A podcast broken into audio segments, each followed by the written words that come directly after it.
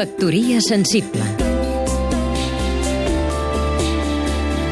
Ramon Muntaner, músic i gestor cultural. Fins fa poc, si algú volia tirar endavant un projecte cultural o de qualsevol altra mena i no disposava dels recursos suficients, tenia bàsicament tres possibilitats per aconseguir-ho. Demanar un crèdit, una subvenció o un préstec a algun familiar o amic, o una barreja de les tres opcions. Davant la situació de crisi econòmica i financera i la reducció dràstica de les aportacions de les administracions públiques, neix un nou sistema a través de plataformes de finançament col·lectiu des d'internet.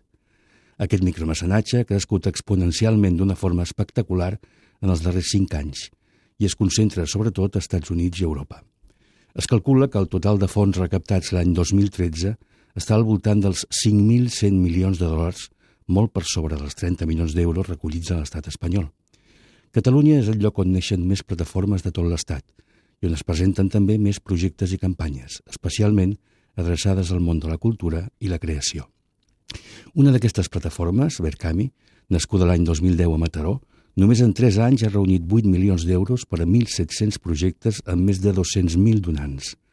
Un bon exemple d'absoluta actualitat són els 348.830 euros aportats per 8.101 mecenes que van posar quantitats que anaven des del 10 als 900 euros recollits pel projecte de la pel·lícula l'endemà, xifra, per cert, rècord aconseguida per aquest sistema fins al moment. Estats Units ja té una normativa pensada per incentivar el sistema.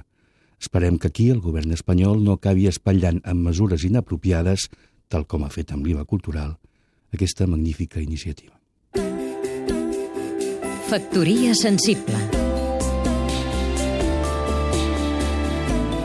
Seguim-nos també a catradio.cat